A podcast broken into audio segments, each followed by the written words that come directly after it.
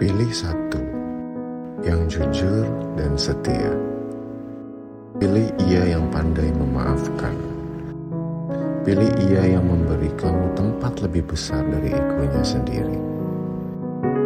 Pilih dia yang tahu bagaimana cara memperlakukan kamu. Pilih dia yang tetap ingin memeluk kamu meski kamu membuatnya marah. Pilih dia yang sanggup meredamkan amarah kamu.